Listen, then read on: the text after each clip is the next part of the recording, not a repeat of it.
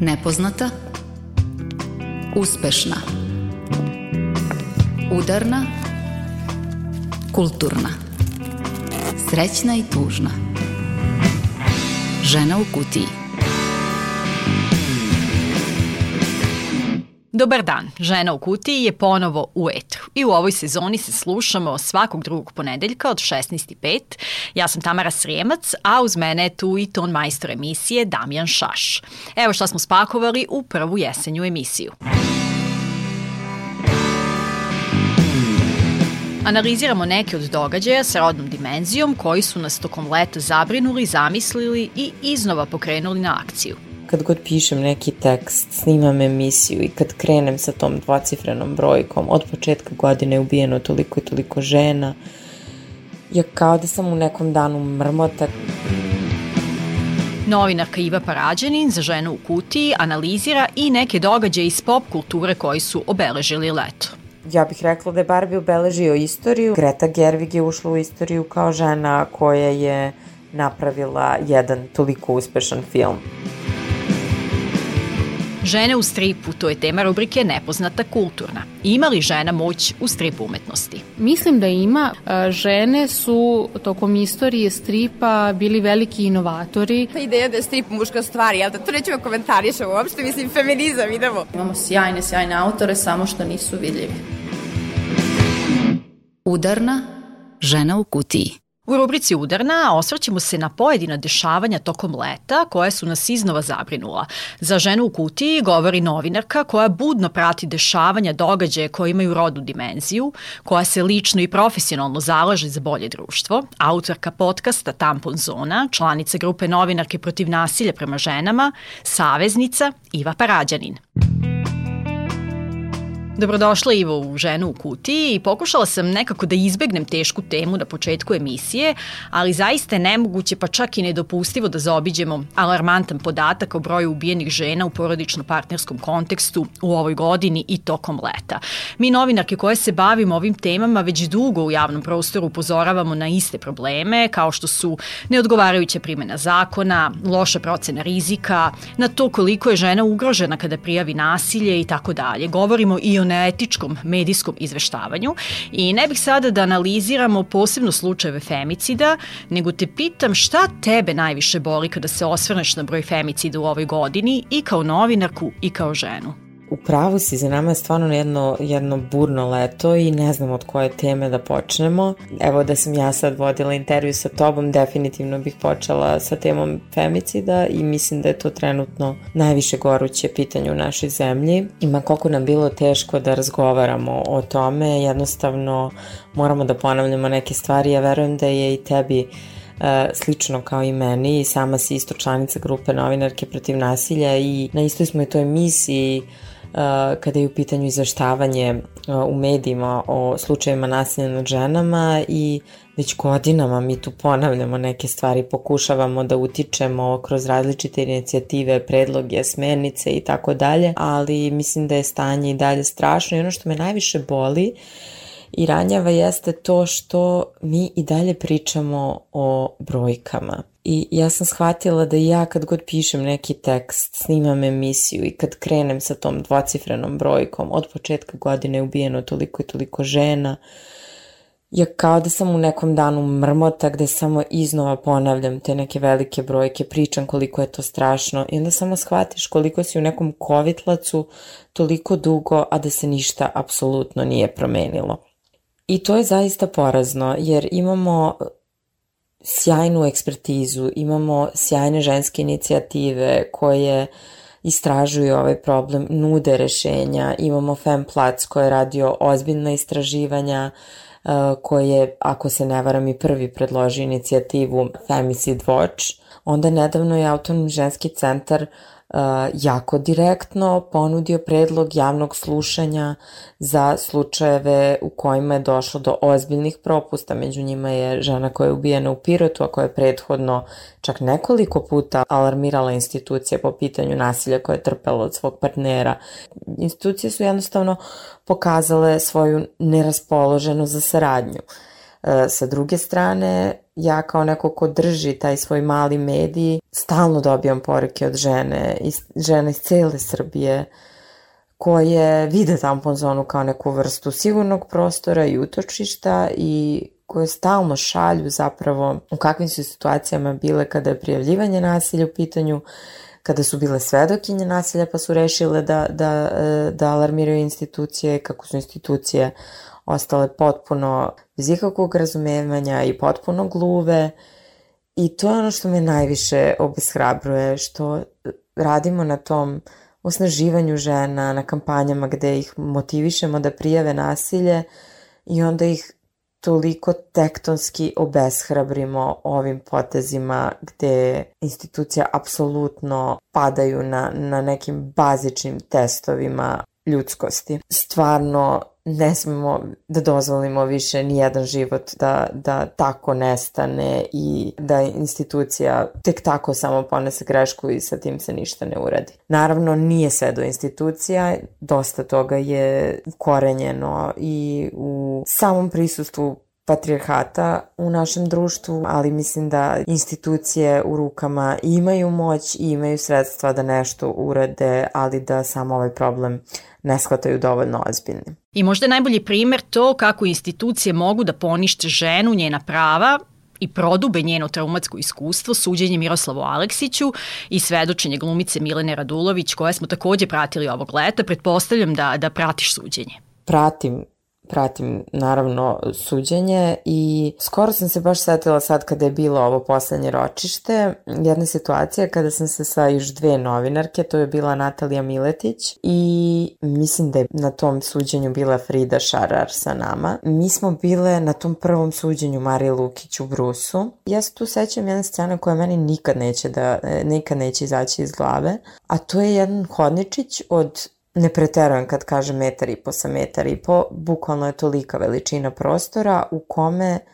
Marija Lukić stoji i preko puta nje stoji jutka. Između njih je par centimetara vazdušnog prostora. Oni dišu jedno drugom u, u, u nos, u vrat primorani su da gledaju jedno na drugog. I to je, ja mislim, jedna od najstravičnijih scena koje, kojima sam svedočila u životu i nisam mogla da verujem da u jednoj instituciji koja je tu da se bavi nekom vrstom pravde, da, da je dozvoljena takva vrsta, vrsta retraumatizacije. I onda se dešava sad sve što se desilo i sa Milanom Radulovićem, sa advokatom koji je postavljao školske primere pitanja koji se nikad ne smeju postavljati ženama koje su preživale seksualno nasilje. A, sa druge strane, ovde bih istakla i, i medije u tom trenutku. Samo pogledaj naslove koji su tih dana bile aktuelni, gde su ili došle informacije do medija koje nisu smele da dođu, Uh, to jest mediji su ih preneli iako znaju da su to detalji koji ne treba da se iznose. S jedne strane smo imali te medije koji su krenuli da, da lešinare i da prave senzacionalizam i pikanterije od nekih užasnih detalja, A sa druge strane smo imali, ja mislim, 90% od ukupnog broja mainstream medija koji su pisali o tome ko je Milenin novi partner i bavili se isključivo tim forenzikom njenog odnosa, njegovih bivših brakova, njegovog porodičnog stabla i tako dalje. Da, išla si kao novinarka i kao žena da pružiš podršku Mariji Lukić, to si ispomenula sada. E, takođe Milani Radulović pružaš podršku i znam da si jedna od nas koja deli divljenje prema hrabrosti Milani Radulović i uopšte svim devojkama i ženama koje su istupile javno. Zašto je to čin hrabrosti i težak zadatak? Hajde da još jednom to pocrtamo. Njena hrabrost mislim da je tektonska. E, tektonska je ne samo zbog samog progovaranja i, i, i prijeve i svega, nego što ona i dalje ona i dalje proživljava zapravo nasilje. I ono što meni tu najviše smeta jeste da mi ljudima koji su u najranjivijim stanjima nismo uspeli da obezbedimo bezbedan prostor. Izlažemo ih no, i novim traumama i gazimo preko njihovih srca, mozgova, želudaca, duša, kao da izduvavamo dušek. Eto, tako mi se čini. Ja ne vidim gde se to nasilje na kraju uopšte završava, jer onaj koji treba da ga zaustavi, da reaguje na njega, on ga prolongira. A mi sa druge strane imamo stvarno svedočimo jednom ogromnom ženskom buđenju, jednom uh, ženskom buntu, ustajanju protiv nepravde na različitim poljima, koje mislim da je istorijsko i da ćemo stvarno jednog dana čitati u čitankama o njemu i ono se ne gasi, žene nastavljaju da progovaraju, inspirišu žene oko sebe da progovore, da ohrabruju i onda ulaskom u sistem, ulaskom u instituciju, jednostavno nasilju nema kraja. I eto, možda nije tema uh, vezana za položaj žena u društvu, ali je definitivno tema vezana za normalizaciju nasilja u svim sferama. Ubistvo koje se desilo u maju u, u, u osnovnoj školi mi smo došli do jedne tolike tačke normalizacije nasilja da smo svi, verujem, duboko potrešeni i uznemireni. Jako je teško u takvom stanju živeti i ole zdravo. Da, uz to situaciju dodatno otežava neetičko izveštavanje medija o tim temama. Hajde da sa tom temom zaokružimo ovaj prvi deo razgovora.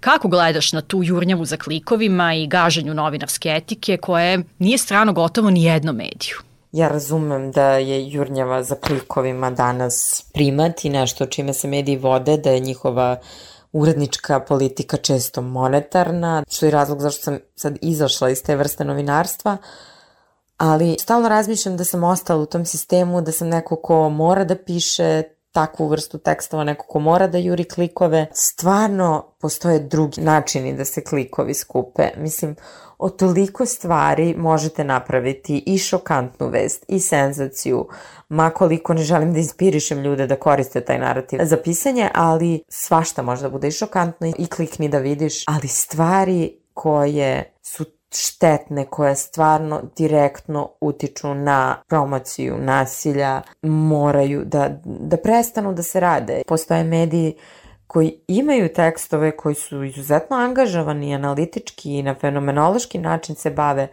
prevencijom nasilja i tako dalje.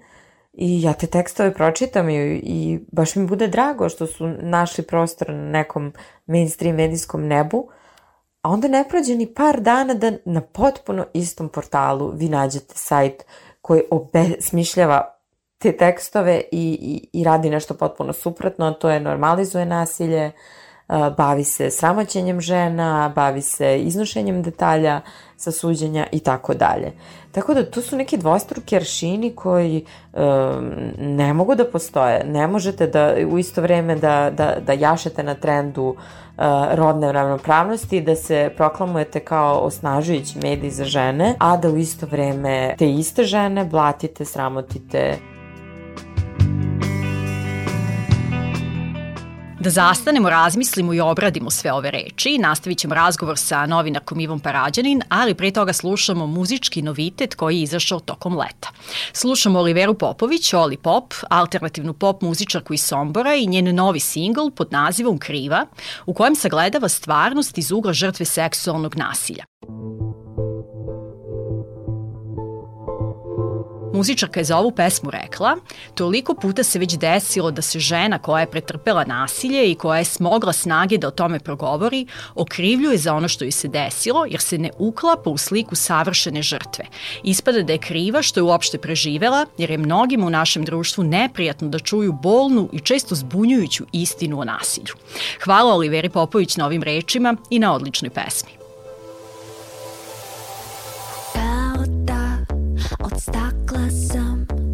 Gledaš me, a sam nevidljiva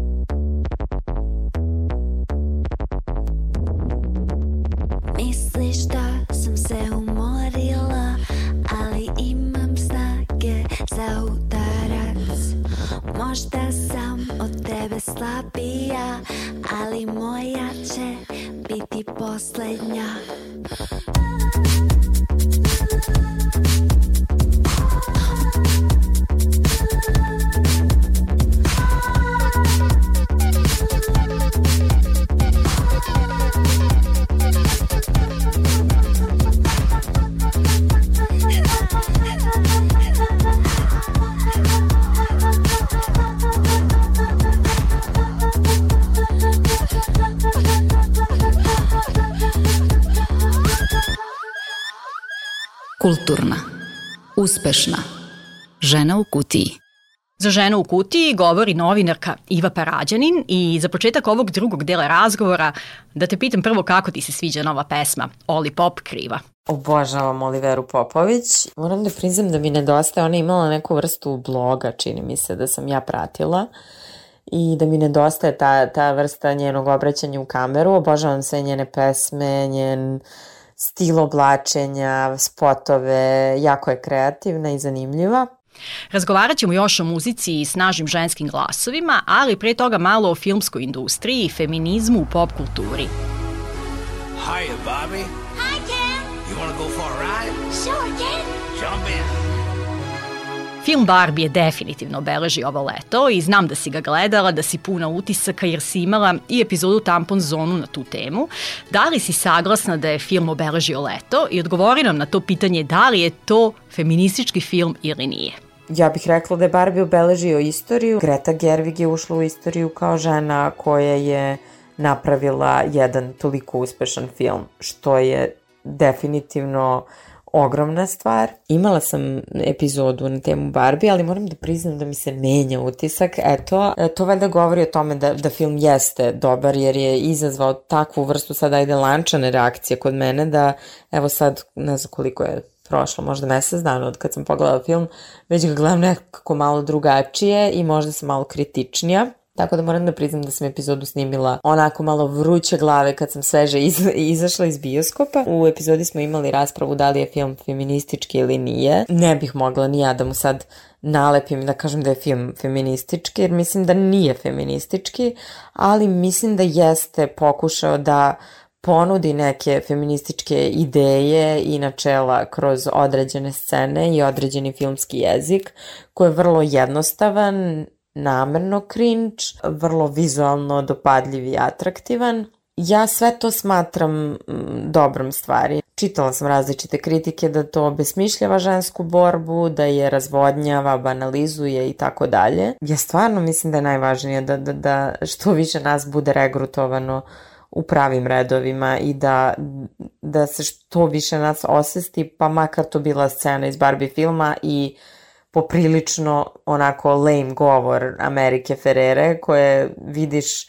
tačno dok gledaš film da je to planirano da bude highlight filma i neka scena koja će se deliti na društvenim mrežama. Meni je bilo malo neprijatno koliko je to onako neka vrsta opšte mestašenja, ali sa druge strane verujem da da je dosta devojaka koje nije imalo susreta sa bilo kakvim feminističkim sadržajem u nekom akademskom smislu imalo aha moment kad je poslušalo taj govor i ja to ne mogu da smatram lošim. Jedino što je loše možda jeste što je, eto, pre svega taj film, promo film jedne korporacije koja je probala da bude samokritična u samom filmu. Uh, svo ono podsmevanje sa Willom Farelom i cijelim man boardom u, u, u firmi mi je dobro, ali mislim da nam je trebalo toga još, a da je ovako na kraju to ipak jedan promo film za, za dalju prodaju barbiki, ali da nije samo to. Najveći utisak filma jeste da sam se zabavila u bioskopu. Vratilo me u tu moju neku unutrašnju devojčicu koja je zaboravila kako da se igra.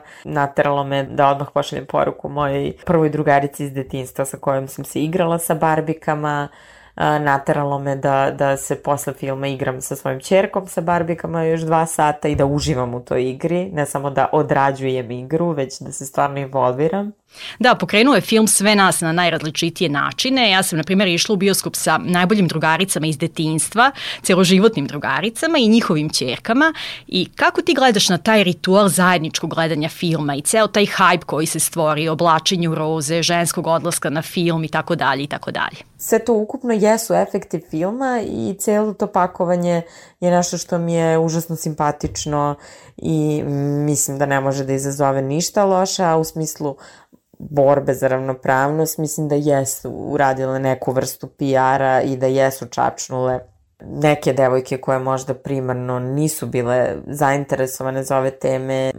Meni je Barbie stvarno jedan od glavnih utisaka godine. I zanimljiv mi je taj zapravo kontekst, to, to smo i epizodi pričale, igranja barbikama u, na, na našim prostorima. Uh, imala sam tu anketicu neku na, na Instagramu gde sam pozvala žene da, da mi pišu o svojim kreativnim načinam, načinima kako su se dovijale da sklapaju svoj taj Barbie svet. Naprimer, devojčice iz Amerike koje gledaju film prepoznaju sve one delove za barbiku koji su u filmu i frižidere i kade i ne znam šta i sad one su imale sve to ili nisu imale dok mi ovde stvarno smo te svoje Barbie svetove gradile od nekih svojih uh, delova svega i svačega po kući i uglavnom te barbike nisu bile prave barbike ili ako jesu neko nam je donio iz inostranstva tu jednu pravu koju smo čuvali kao oči u glavi I onda meni bilo jako zanimljivo kako smo mi ovde kreirale te Barbie kuće, Barbie svetove, interijere, kako smo se igrale, kako se ispostavilo, ja sam mislila da je samo moja barbika vozila papuču, ali se ispostavilo mi se javilo još 50 žena čije barbike su vozile papuču i kojima je Ken bio i plišani žabac i action man i tako dalje. I mnogo mi je bilo zanimljivo jer je to zapravo smo se tu igrale neke prve odraslosti i preuzimale uh, neku aktivnu ulogu odrasle sebe u, u društvu.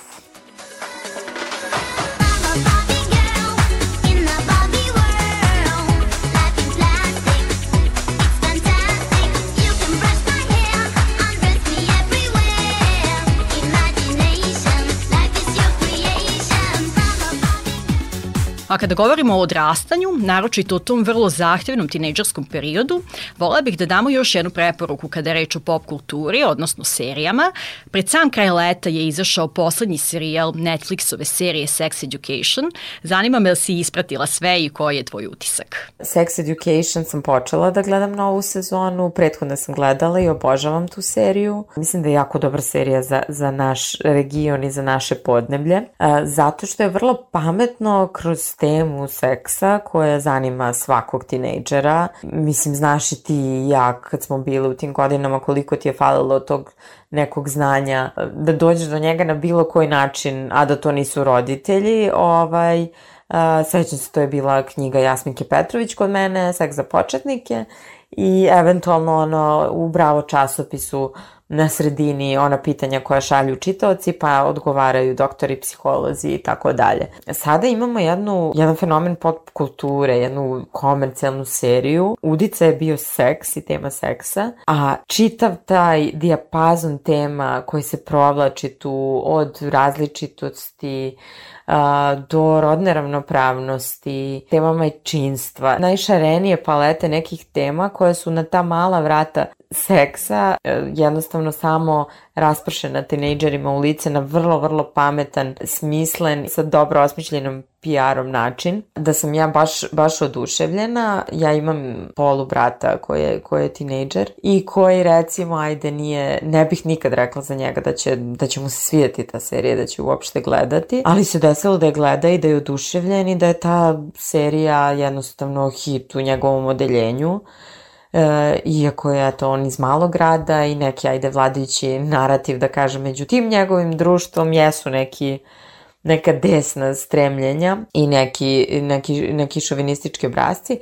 Tako da mislim da je ta serija napravila odličan switch kod tih nekih naših klinaca kojima slični sadržaj nisu do sada bili dostupni ili koji su odbijali jednostavno čim vide da je neki sadržaj politički korektan ili da se bavi nekom vrstom ili feminizma ili ne znam čega, da su prosto odbijali to, to odmah. I jedno čekam da pogledam novu sezonu. Čula sam komentare da, da su dosta, citiram, zakvirili. A, ne znam ni to koliko uopšte može da bude štetno, mislim da sve to može da bude samo dobro, ali ajde da ne sudim dok nisam pogledala. Čekamo onda i utiske u završnoj sezoni kada je pogledaš, a volela bih da se dotaknemo i sportskih događaja kojih je zaista bilo dosta tokom leta i apsolutno nema ništa novo u tome da se prati, da se navija, slavi Mundo Basket, Novak Đoković, a da li vidiš pomak kada je reč o praćenju ženskog sporta? Odbojkašice su, na primer, postigle ogroman uspeh, Ivana Vuleta takođe, Angelina Topić i one su nesumljivo uspešne, a da li u skladu sa tim dobijaju mesto u sportu koje zaslužuju, svu pažnju, potrebne financije ili je ženski sport i dalje pretežno na margini? Ženski sport je i dalje na margini. Ono što mi, čemu mi svedočimo jeste možda malo bolji PR ženskog sporta trenutno i neke sjajne žene koje su rešile da, da se angažuju i, i da adresiraju probleme i da budu promoterke tog pravog narativa kroz koji treba da se priča o ženskom sportu na celoj planeti. Ovo što, što se desilo zapravo baš je bilo ilustrativno kod nas gde su samo muškarci bili pozvani na taj svečani doček, iako su žene zabeležile jednako uspešne rezultate, ali to je nešto što je već dugo prisutno i ja kao neko ko eto uh, svoj, svoj novinarski rad sam zapravo počela u sportskoj redakciji, gde sam i kao sportska novinarka dosta proživljavala različite vidove i diskriminacije i nekog ni podaštavanja i tako dalje. Videla sam koliko je un, zapravo teško e, izveštavati o ženskom sportu i bavi, koliko za njega nema mesta. Mislim, najstrašniji je zapravo taj argument koji je toliko prisutan i koji se non stop ponavlja kao da je validan, a zapravo je tolika glupost, a to je da ženski sport niko ne prati i zato u njemu nema para i zato se o ženama ne priča i tako dalje. Mi svedočimo uh, tom narativu koji se gaji, znači mi znamo koje se reči upotrebljavaju kad žene zabeleže neke uspehe. Mislim da su odbojkašice pre par godina nešto osvojile. Gomila medija je objavila uh, izabranice pa ime trenera osvojile to i to.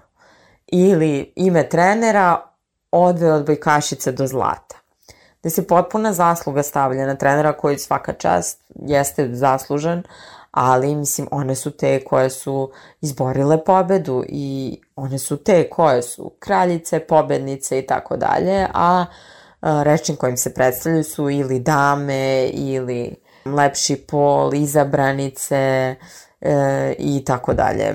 I meni je drago da se sve više uh, unutar sportiskinja žena osnažuje da govori o tome, da adresira probleme.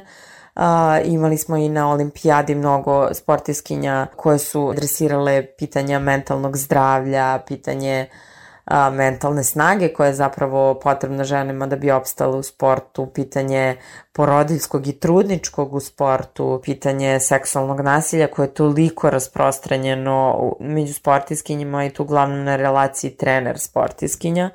A, mislim da je i kod nas urađeno čak e, istraživanje jedno veliko, ako se ne varam da se novinarka zove Snežana Pantović. Brojke su bile katastrofalne i, i nekako to istraživanje uopšte nije odjeknulo u medijima iako je e, nešto što stvarno trebamo glasno da, da adresiramo i da govorimo o tome. Da, važan je taj ženski glas među sportiskinjama koji si spomenula, a dragocen je i ženski glas u muzici na koji se sad vraćamo.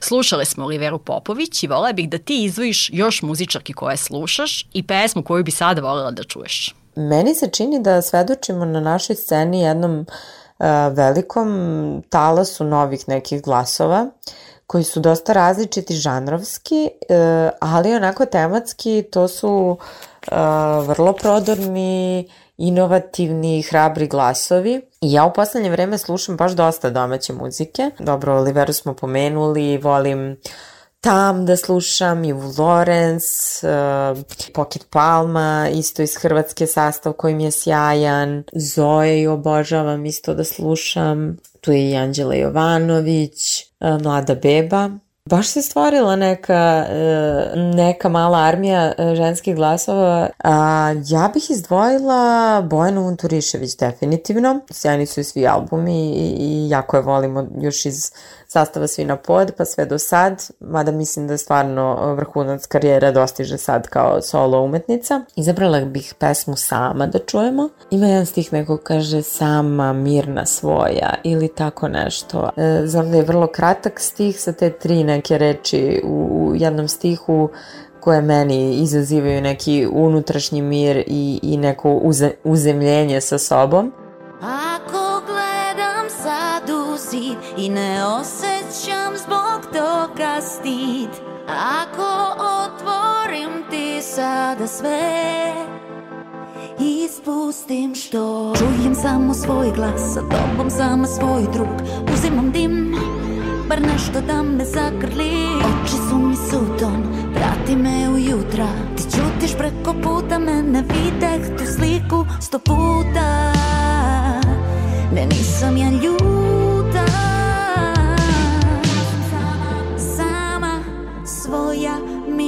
sam Sama svoja ničija Sama svoja jedina. Samo moja najlepša. Sama svoja mirna sam. Sama svoja ničija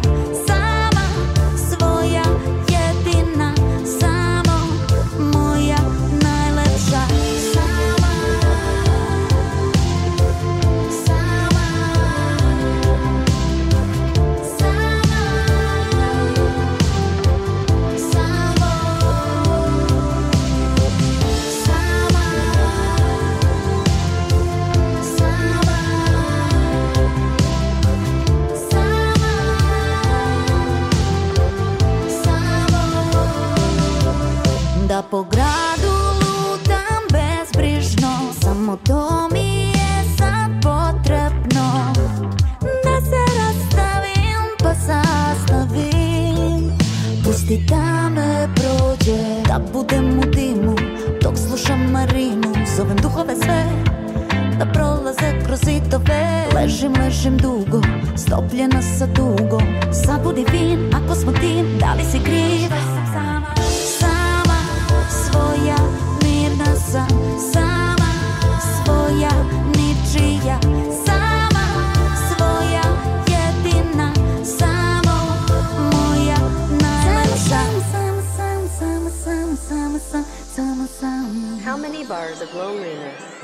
A Bojana, inače moram da kažem da sem tih njenih sjajnih pesama koje jesu stvarno osnažujuće i ne samo osnažujuće nego i ušuškavajuće i tu su i da utople i da uteše i da zagrle, ali sem toga moram da kažem da je Bojana zaslužna a, za to što smo mi imali ozvučenje na protestima kada je u Informeru bio objavljen intervju sa serijskim silovateljem i kada su u Beogradu organizovani, ja mislim, naj, najmasovniji protesti žena u poslednjoj deceniji. Bilo se puno na ulicama, a Bojana je bila ta koja je vukla megafon, zvučnike, donela svoje ozvučenje. Moram da kažem da je i ta vrsta njenog angažovanja, eto, možda nešto čime ona ne voli da se hvali, ali evo ja ću da iskoristim ovu priliku da pozovem ljude da slušaju njen novi album, ali da kažem da je ona jedna velika e, carica i, i feministkinja koja učestvuje i, i direktno u nek, nekim takvim akcijama.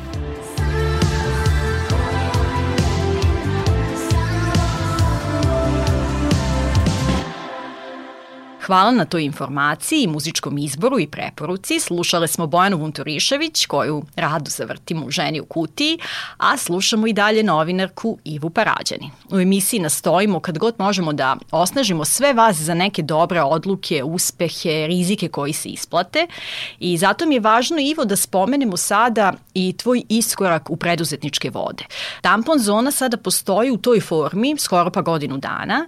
Krenula si u to verovatno bez jasne potvrde da će podcast biti uspešan, sa malo ili čak mnogo straha. Kako ti danas sve izgleda kad uporediš sa periodom u kojem si tek promišljala da se upustiš u tako nešto? Tampon zona ima e, uskoro puni godinu dana u tom samostalnom režimu. Ja sam je pre toga vukla iz medija u mediji i, i to je bilo to su bili neki pokušaj da ona zaživi, ali sam ja pored nje imala još pet poslova i nisam stigla da je se posvetim. S druge strane sam trpela i cenzuru na nekoliko mesta, to nije nikad izgledalo onako u potpunosti kako sam ja želela da izgleda i ja sam shvatila da će to imati smisla samo ako bude samostalno. Međutim, moram da priznam da nisam verovala u sebe bilo mi je teško da se odvažim na taj korak i da pomislim da možda mogu to sama da iznesem i da pretvorim neku vrstu nezavisnog medijskog startapa. Moje cijelo okruženje negde više verovalo u, u sve ovo od mene i zahvaljujući njima sam se i odvažila. Međutim, kako sam ja krenula to da radim u tom samostalnom režimu, sa ljudima koje sam ja izabrala, u formatu kakav ja želim, uh, taj trenutak gde, mislim, eto i ti znaš, vodiš ovu emisiju, koliko je divno kad sedneš u stolicu i možeš da pitaš apsolutno šta god želiš, kada imaš potpunu moć da stvaraš poverenje sa sagovornicom i da znaš da, da iznad tebe nije niko ko može to poverenje da uzdrma i uzurpira. I to je meni baš bio veliki ulog. Shvatila sam da zapravo želim da se uložim u to i da mogu i da je potrebna tampon zona ovde. Ona je samo krenula organski da raste.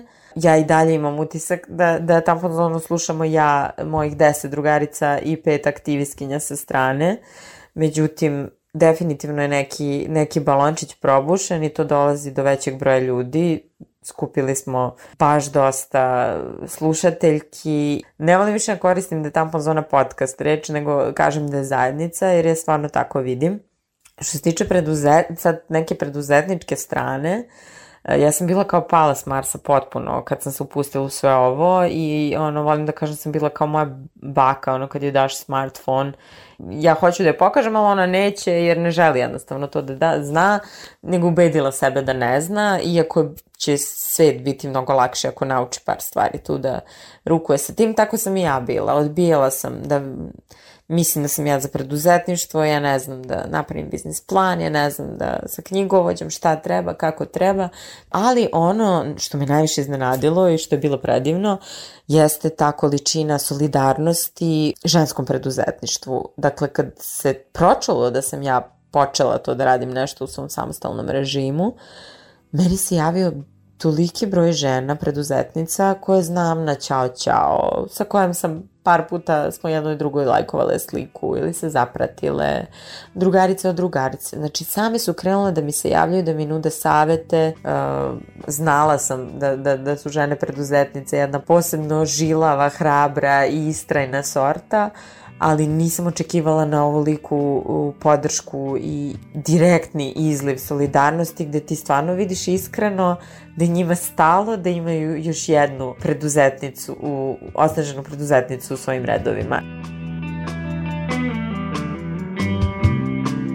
Da, to je zaista dragoceno i sada kada podvučeš crtu, da li se rizik i izlazak iz sigurne zone isplatio?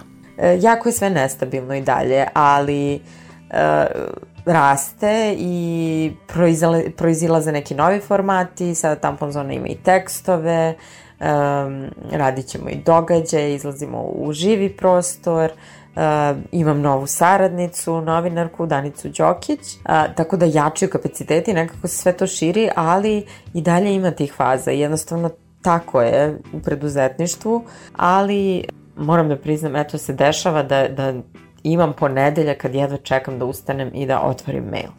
Evo, mislila sam da je to nezamislivo i uvek sam ono psovala ponedeljak ujutru, ali sad se jednostavno dešava i meni je to negde pokazatelj da stvarno volim ovo što radim i, i da mi prija i ne znam u kom će smeru otići i ne znam kakva je budućnost i za tampon zone, ali za sada baš deluje onako kao da živim svoj san. Ovo je prilika da pozovemo sve vas koji pratite tampon zonu, koje zanima feminizam, etičko i rodno senzitivno novinarstvo, da dođete u sredu, 11. oktobra, u prostoru Petrovaradinu na Svetski dan devojčica na snimanje tampon zone i razgovora uživo. Tampozon je počela na Svetski dan devojčica prošle godine i rešili smo da eto sad posle godinu dana u prostoru u Novom Sadu. Zanimljivo mi je što eto i u prostoru smo koji se zove prostor i koji stvarno znam da je siguran jer su divne devojke koje rade tamo i na čiju inicijativu će se događaj tamo i desiti. Um, gošće će biti Ognjenka Lakićević, i Đurđa Timotijević. I negde mi je ideja bila da iskoristim taj svetski dan devojčica da pričamo o našim unutrašnjim devojčicama. Znamo da sad taj termin unutrašnjeg deteta je jako popularan i e, dobro, negde se zlopotrebljava, ali ima i, i sjajne literature napisane na tu temu i mislim da je jako, jako, jako važan deo naše ličnosti o, koj, o kom treba da pričamo. I meni bio zanimljiv taj ugao da sagledamo naše odrastanje, način našeg odrastanja, da sagledamo te delove sebe iz tih pređašnjih godina koji su ostali u nama, kako da ih zalečimo, kako da ih prihvatimo, kako da radimo na njima i sa druge strane kako da radimo na tome da te unutrašnje devojčice, nekih novih devojčica budu mnogo sigurnije, jače i, i samopouzdanije. Pozivam sve slušateljke da, da nam se pridruže 11. oktobra ako imaju vremena, ako ne, razgovor će biti sniman i to će biti još jedna epizoda Tampozone koja će se emitovati dan posle događaja. Hvala Ivo mnogo na razgovoru. Mi se vidimo u prostoru u ulici Beogradska 11, 11. oktobra, a čekamo naravno i sve vas na istom mestu. Još jednom ti puno hvala na ovom pozivu, uh, ogromna je čast, idem sad svima da pričam da sam bila tvoja gošća. Pozdravljam te puno. Uspešna. Nepoznata. Žena u kutiji. I dalje o uspešnim ženama koje ruše sve stereotipe. U ženi u kutiji strip autorke. Pred kraj leta u Novom Sadu održan je strip vikend i konferencija Moć žena u stripu. Jedna od autorki, Jana Adamović, bila je učesnica konferencije, mentorka u radionici za mlade crtače i kustoskinja njihove završne izložbe. U razgovoru sa mojom koleginicom Aleksandrom Rajić, ona odgovara na zadatu temu. Ima li žena moć u strip umetnosti? Mislim da ima. Pre svega strip kao medij je veoma moćan jer e, nam pruža priliku da ispričamo važne priče, priče koje su nama važne. E, žene su tokom istorije stripa bili veliki inovatori i unosile su teme e, koje su njima bile i dalje jesu bitne, ali onda samim tim su bitne i za celo društvo, a koje nisu bile tretirane ili uopšte ili na adekvatan način pre njihovog stvaralaštva. I drugo, e, smatram da su žene postaju sve moćnije i na samoj strip sceni i na celom svetu zato što na, ih je ili nas je sve više, dobijamo nagrade, jednostavno menjamo, menjamo scenu i e, imamo veći broj i umetnica i urednica i nezavisnih izdavačkih kuća. I kažete da... da se žene uglavnom bave, odnosno najčešće upravo tim angažovanim stripom, angažovanom porukom u stripu. Uh, to jeste jedno dominantnih uh, oblasti stripa koji se ba, kojim se bave. Ima takođe recimo u Francuskoj veliki broj žena radi u um, žanru za mlade i za decu, znači što je donekle malo i tradicionalno, ali se probijaju i u neke drugi žanrove, ali da, taj neki, ta neka angažovanost i stvaranje zajednice, koliko sam ja primetila je nekako element e, ženskog aktivizma u svim oblastima pa i u stripu. Kako vi vidite strip kao medij za promociju neke ideje? Mislim da je odličan medij upravo zato što, eto, kao što sam već pomenula, e, nam omogućava da, da ispričamo priče. Strip je pre svega pričanje priča kroz slike. Jedino što mu možda nedostaje, pogotovo u Srbiji, je nekakvo e, prepoznavanje od strane zvanične kulturne scene, od strane javnog mnjenja. E, nekako se strip i dalje smatra nižom granom, nižom vrstom umetnosti, da, onako baš i dalje smo na margini kulture u Srbiji, a gde je kultura u Srbiji to tek, ovaj, to, to je mana kad se govori sa, o stripu u Srbiji, ali je divan kao medij. Govorite, govorili ste sad o francuskoj kulturnoj sceni koju smo imali priliku da vidimo i pre par godina kada ste učestvovali u organizaciji e, izložbe Ona se budi, vi ste i aktivni na toj francuskoj sceni, zapravo e, radite, mm -hmm. radite naravno i na američkoj ste radili, dobili ste i Francuski Jeste. orden umetnosti i književnosti za svoje stvaralaštvo. E, može li se napraviti neka paralela ili neko poređenje između recimo naše i francuske e, e, strip scene i strip umetnica položaja, zapravo uh mhm. -huh. strip umetnica ili je to jedna globalna porodica? Može da se napravi paralela u toliko što se nas nekoliko autorki organizovalo i napravilo svoje udruženje Stripotetke u januaru ove godine, upravo inspirisano sličnim udruženjima u Francuskoj i drugim, drugim državama, koje se zapravo pokušavaju sistemski da se bore protiv sistemskih nepravdi, odnosno za veću vidljivost žena, za raskrinkavanje e, nekih e, diskriminatornih praksi u poslu. Za autorska prava? Za autorska prava takođe. Mislim, ja sam stvarno se zalažem da, da se ljudi malo više edukuju u autorskim pravima i izdavači, a i autori, iskreno. Ove, ovaj, tako da s te strane postoji ta povezanost. Ja sam takođe član i uh, tog francuskog udruženja strip autorki protiv seksizma, tako da trudim se da blisko pratim šta se dešava i u Francuskoj i da se u suštini povežemo i ko zna možda u budućnosti bude i neke saradnje. Jeste li se prebrojali koliko je strip umetnica i koliko je tetaka tih u udruženju? Zvanično je nas e, četiri koje smo osnivačice, još uvek nismo um, se organizovale za učlanjenja i to ćemo da vidimo kako ćemo napraviti jer ovaj, želimo bude jedno demokratično udruženje da, da zaista svi zajedno koliko je god to moguće odlučujemo o nekim budućim koracima. U antologiji će biti 11 autorki, ali zapravo njih ima mnogo više. E, svaki dan otkrijemo neku novu mladu umetnicu za koju pre toga nismo znali.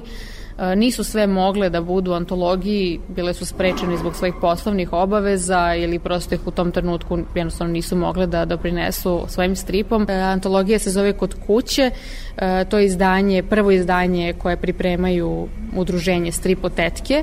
Zaista imamo veliku podršku i radujemo se da ističemo radove ne samo mladih umetnica nego i umetnika, jer još jedan od ciljeva Stripotetki e, je zapravo da ističe autorsko stvaralaštvo u Srbiji koje je malo zapostavljeno. Naši autori uglavnom rade za strana tržišta, ovaj, tako da nemamo domaću produkciju. I mi bismo voljele to da pokušamo da promenimo. Pokušavaju i menjaju strip scenu zasigurno. Čuli ste Janu Adamović, strip autorku i ilustratorku iz Beograda, a koleginica Sanja Rajić je o utiscima i zapažanjima sa konferencije razgovarala sa brojnim učesnicama, među njima i strip autorkom Draganom Radanović, koja je novosađenka sa boravištem u Briselu i za ženu u kutiji govori o značaju udruživanja žena u stripu. Ovako kao grupa možemo da vidimo kada postoji problem, kada nismo tretirane onako kako zaslužujemo, kada e, određeni ljudi žele možda čak i da iskoriste naš rad i e, to se dešava. To se dešava čak i kada vi za sebe... I u Belgiji svuda se dešava, e, samo što ovde prosto ne postoji pomoć. U Belgiji postoje organizacije kojima možete se obratite, koje se brinu o vašim ugovorima, koje se brinu o vašem statusu kao nezavisnog umetnika. Ovde to još uvek nije zaživelo i prosto nemate kome da se obratite, tako da smo mi odruži, odlučili da se udružimo i da, se, da možemo se obratimo jedne, jedne drugima, ali takođe da možemo imamo formalnu podršku i formalno da, da počnemo da radimo onako kako se to u Evropi odavno već radi. Imamo sjajne, sjajne autore, samo što nisu vidljivi. Je li ovaj strip vikend, odnosno ova konferencija u tom cilju neki pomak?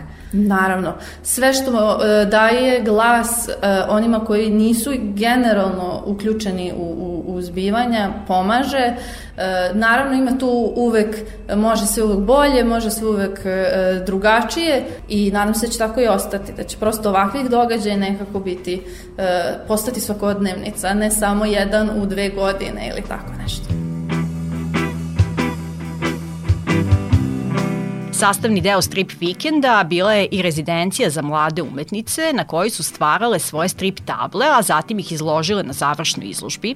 Utiske donose Jovana Vuković, studenkinja ilustracije na Novosadskoj akademiji umetnosti koja je učestvovala u tom rezidencijalnom programu, a zatim i jedna od mentorki, istoričarka umetnosti Dragana Garić-Jovičić sam rad u grupi, u stvari inače volim da radim sama i onda rad u grupi, mislim sam da mi ne odgovara ranije, ali toliko je inspirativan sa svima okolo koji radi, koji švrljaju, to bi se jako dopalo, tako da mogli bi to početi da praktizuje malo više. Sad vidimo da osnovu ove konferencije da nije neuobičajeno, jel da, da se žene bave stripom, ovaj, koji je vaš razlog? Pa ne znam, ja sam ono od kad sam bila mala, jel, vala da švrljam da crtam i onda je na, to je na časovima počelo da crtam prvo scene s časova, ali ono, anime i tako te stvari isto, pa da ne verujem ja to, to, ta ideja da je strip muška stvar, jel da to nećemo komentarišati uopšte, mislim feminizam idemo.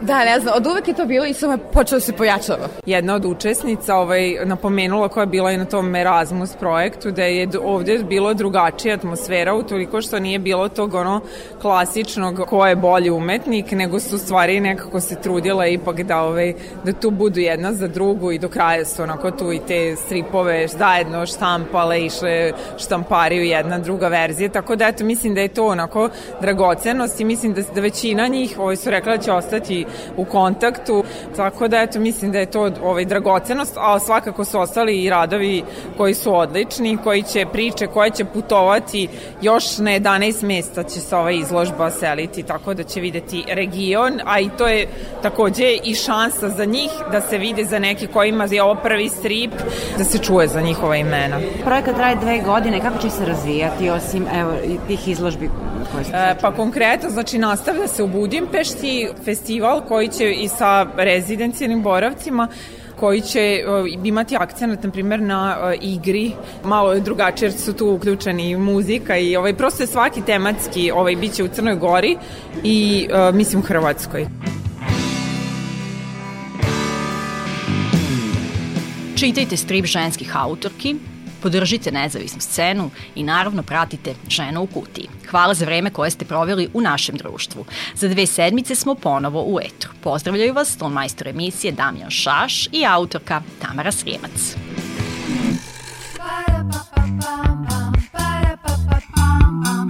Za kraj žene u kutiji ide Prester, pesma koja je izašla pred početak leta, optimistična, vedra, uz ritam koji pokreće. Pogledajte i sjajan spot ide Prester za pesmu 70. Hvala na slušanju. Sa 70